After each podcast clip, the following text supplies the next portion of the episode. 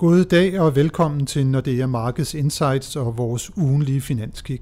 Mit navn er Helge Pedersen, jeg er cheføkonom i Nordea, og i dag har jeg besøg af chefanalytiker Anders Svendsen. Velkommen, Anders. Tak. Nordkorea kom jo for alvor i fokus på de finansielle markeder, da Donald Trump tidligere på ugen truede med et ødelæggende angreb på Pyongyang, hvis Nordkorea fortsætter med at udvikle sine atomvåben. Nordkoreas præsident Kim Jong-un svarede igen med at true med et forestående angreb på de amerikanske baser på øen Guam i Stillehavet, som ligger mere end 3.400 km fra Nordkorea. Og krigsretorikken, Anders, øh, den har jo ramt risikoappetitten på de finansielle markeder. Hvad er status lige nu? Status er jo, at aktiemarkederne de lige så stille og roligt tækker nedad. Hvis man kigger på både de amerikanske og de europæiske aktier, så taber de jo en, øh, en procents penge om dagen og har gjort det mere eller mindre i, øh, i den her uge. Og hvis man kigger på nogle af de øh, indikatorer, vi har for, hvor nervøse markederne generelt er, det for eksempel det her VIX-indeks, øh, som, som måler, øh, hvordan øh, markederne tror, at udsvingene kan være i det amerikanske øh, S&P 500-indeks, jamen så er det også steget øh, relativt kraftigt.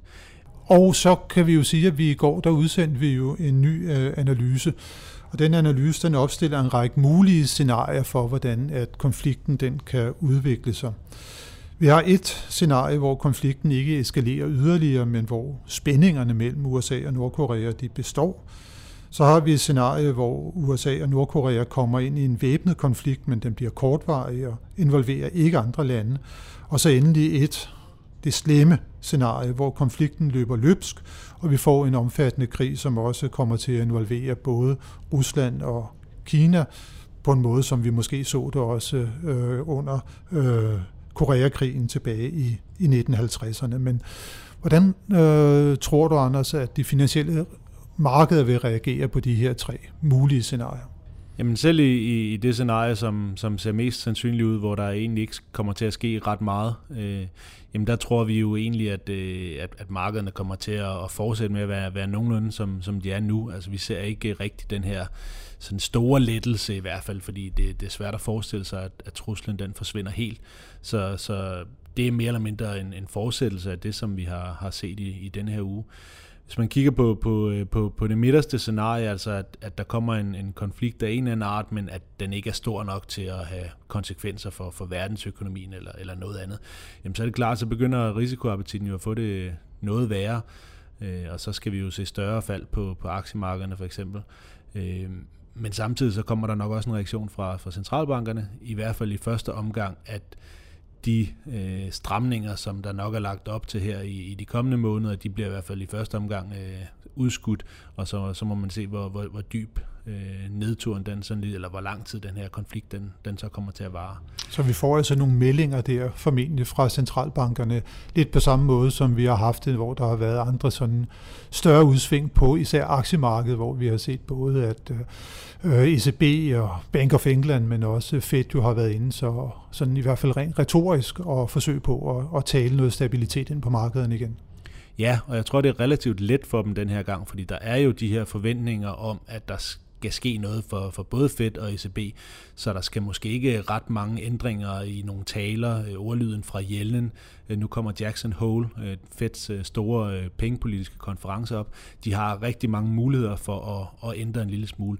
Men det er klart, kommer der en militær konflikt, jamen så, så kan de selvfølgelig godt øh, bremse øh, faldet på aktiemarkedet lidt, men det er ikke sådan, at de kan, kan stoppe det fra at, at ske, fordi så vil øh, risikoen også for, for scenarie 3, øh, som jo er det, du kalder det, det værste der, den vil selvfølgelig også være, være øget, altså mm. sandsynligheden for, at det bliver en, en større konflikt, der eventuelt involverer USA og Kina på hver sin side, eller USA og Rusland på hver sin side, og som nok også får, får konsekvenser for verdensøkonomien. Og så er det jo et større fald, vi er, vi er ude i på, på aktierne, en større øh, øh, hvad kan man sige, nedtur i, i verdensøkonomien, og også øh, måske deciderede lempelser, øh, vi skal mm. have fra, fra centralbankerne.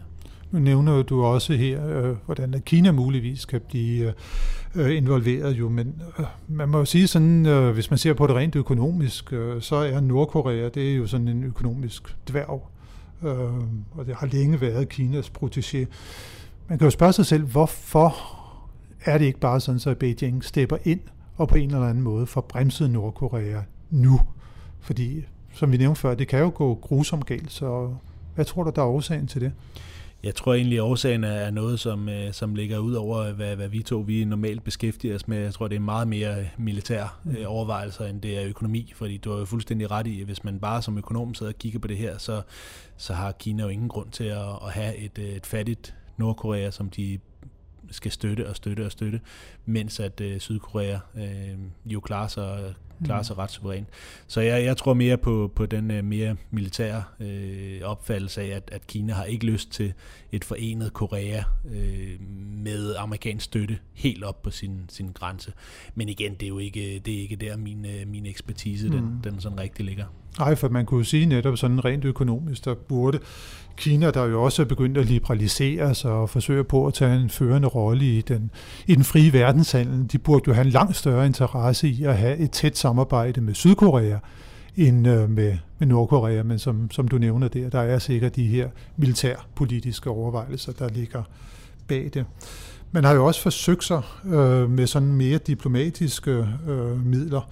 Øh, Kina øh, bakkede jo faktisk sammen med Rusland op omkring de øh, sanktioner, som man nu har vedtaget de til strammeste mod Nordkorea, som blandt andet betyder, at al eksport fra Nordkorea, kul og jern, jernmalm, fisk og faktisk også anvendelsen af nordkoreanske arbejdere i andre lande, det bliver ramt. Øh. Det, som øh, det vurderes, det er jo, at det skulle reducere Nordkoreas samlede årlige eksportindtægter, der ligger på cirka 3 milliarder dollar med en tredjedel, altså har en værdi omkring en milliard dollar.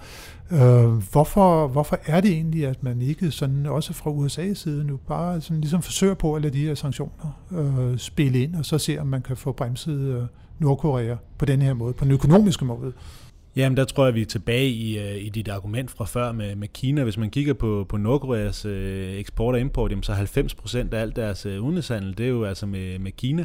Så igen, hvis Kina ville noget andet end det, som sker lige nu, jamen, så var det allerede sket.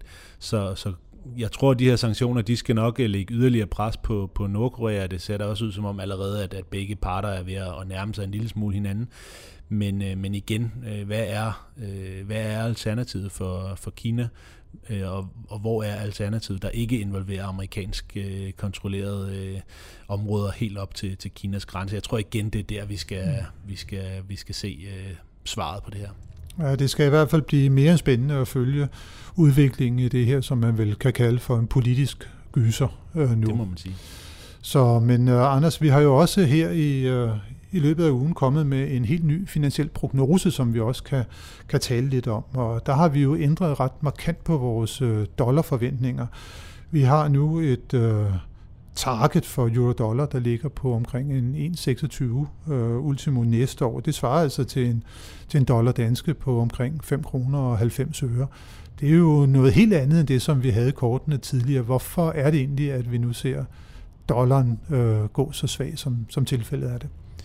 Noget af det er jo en forlængelse af det, som vi egentlig allerede har set her over sommeren, nemlig at, øh, at euroen er, er styrket kraftigt. Øh, og for, for mig at se, er det her øh, lige så meget en eurohistorie, som det er en, en dollarhistorie. Og det kommer i høj grad af, at ECB jo endelig, kan man sige, er på vej ud af de her kvantitative lempelser. Godt nok med, med museskridt, og de kommer til at bruge rigtig, rigtig, rigtig lang tid på det. Men det er formentlig det, der gør, at vi nu begynder at få en, øh, en stærkere euro. Altså de sidste mange, mange år, hver eneste gang euroen er blevet styrket en lille bitte smule, jamen så har ECB været der, så er de kommet med nye lempelser, fundet på nye forkortelser, øh, og det er nok ved at være slut, og det er det, jeg tror, markederne begynder at, at, at se på. Og, og det kan godt være, at at vi ikke ser de helt store ændringer fra ECB. Det kan godt være, at den første renteforhold så stadigvæk ligger langt, langt, langt ude i fremtiden, men den ændring, det er, at vi ikke længere skal forvente, at hver eneste gang euroen bliver styrket, så kommer ECB og stopper det. Øhm, det tror jeg er den, øhm, den psykologi, der har, der har ændret sig, og det er det, øh, vi tror, der også kommer til at, at fortsætte, når vi kigger ind i især næste år. Mm. Og så kigger du jo også rigtig meget på emerging markets, og der er vi jo også kommet med en ny prognose for valutaerne der. Hvad øh, skal vi vente os af EM-valutaerne? Det er meget spredt fægtning. Altså vi synes jo i virkeligheden, at, øh, at det er en rigtig god periode for, for emerging markets. Øh, væksten er på vej op, renterne er stadigvæk øh, forholdsvis lave, og den her dollarsvækkelse, det burde også øh, normalvis være, være rigtig øh, fornuftigt for, for emerging markets. Men der sker rigtig mange ting. Øh, nu havde vi øh, i, i sidste uge et, et forsøg på at vælte den sydafrikanske præsident, bare for at, at tage et eksempel. Vi har selvfølgelig Asien, der er påvirket af, af Nordkorea. Så øh, selvom vi kan have sådan en, en holdning til emerging markets som helhed, så er der bare rigtig mange enkelthistorier øh, hele vejen rundt. Så, øh, så det er en lille smule spredt fægtning, men vi er stadigvæk sådan overvejende øh, positive på, på de fleste emerging markets valutaer, og selvfølgelig især øh, Mexico er stadigvæk den, øh, den helt store historie for mig at se, altså at, at hele øh, den øh, svækkelse, der var sidste år, øh, som sådan en, en, kan man sige, en slags risikoafdækning i forhold til det her valg af Trump, jamen det, øh, det begynder stille og roligt at blive, øh, blive priset ud, fordi at, at Trump jo ikke er kommet med al den her protektionisme, som man havde regnet med, at det kommer til at fortsætte. Der, hvor vi har lavet en, en rigtig stor ændring, det er i Tyrkiet, og øh, det er især målt i danske kroner. Øh, vi har jo haft en, en, sådan en opfattelse af, at okay, nu begynder tingene at se en lille smule bedre ud dernede, væksten er kommet en lille smule tilbage, turismen er stoppet med at aftage, inflationen begynder at komme ned. Øh, og det har sådan set også været, været, været rigtigt nok, at det også har ført til en, en styrkelse af tyrkiske lire, bare kun over for dollaren. Og så hele øh, den her svækkelse af dollaren målt i danske kroner gør altså, at, øh, at vores forecast har været, været noget forkert øh, målt i danske kroner. Så det har vi måtte, øh, måtte justere, øh, og så har vi lavet en forholdsvis stor ændring også i, i Rusland, hvor de her nye sanktioner øh, nok gør, at, øh, at situationen næste år ser lidt mindre positiv ud, end den, end den ellers havde gjort, og derfor har vi, har vi skruet, skruet pænt ned for, for optimismen der. Ja, det bliver spændende at se, hvordan det kommer til at gå på, på markederne, øh, også fremover. Men øh, hvis vi bare tager næste uge og kigger ind i den, så kan vi også konstatere, at der er tale om sådan en forholdsvis tynd øh, nøgletalskalender. Vi får et referat fra det seneste Fed-møde, vi får nogle europæiske BNP-tal, og så kommer der jo faktisk også en række ret spændende tal ud fra Kina. Hvad skal vi vente os af dem? Ved det kinesiske opsving, som jo egentlig har overrasket, eller den kinesiske vækst har overrasket her i første halvår, øh, står vi over for også et godt andet halvår?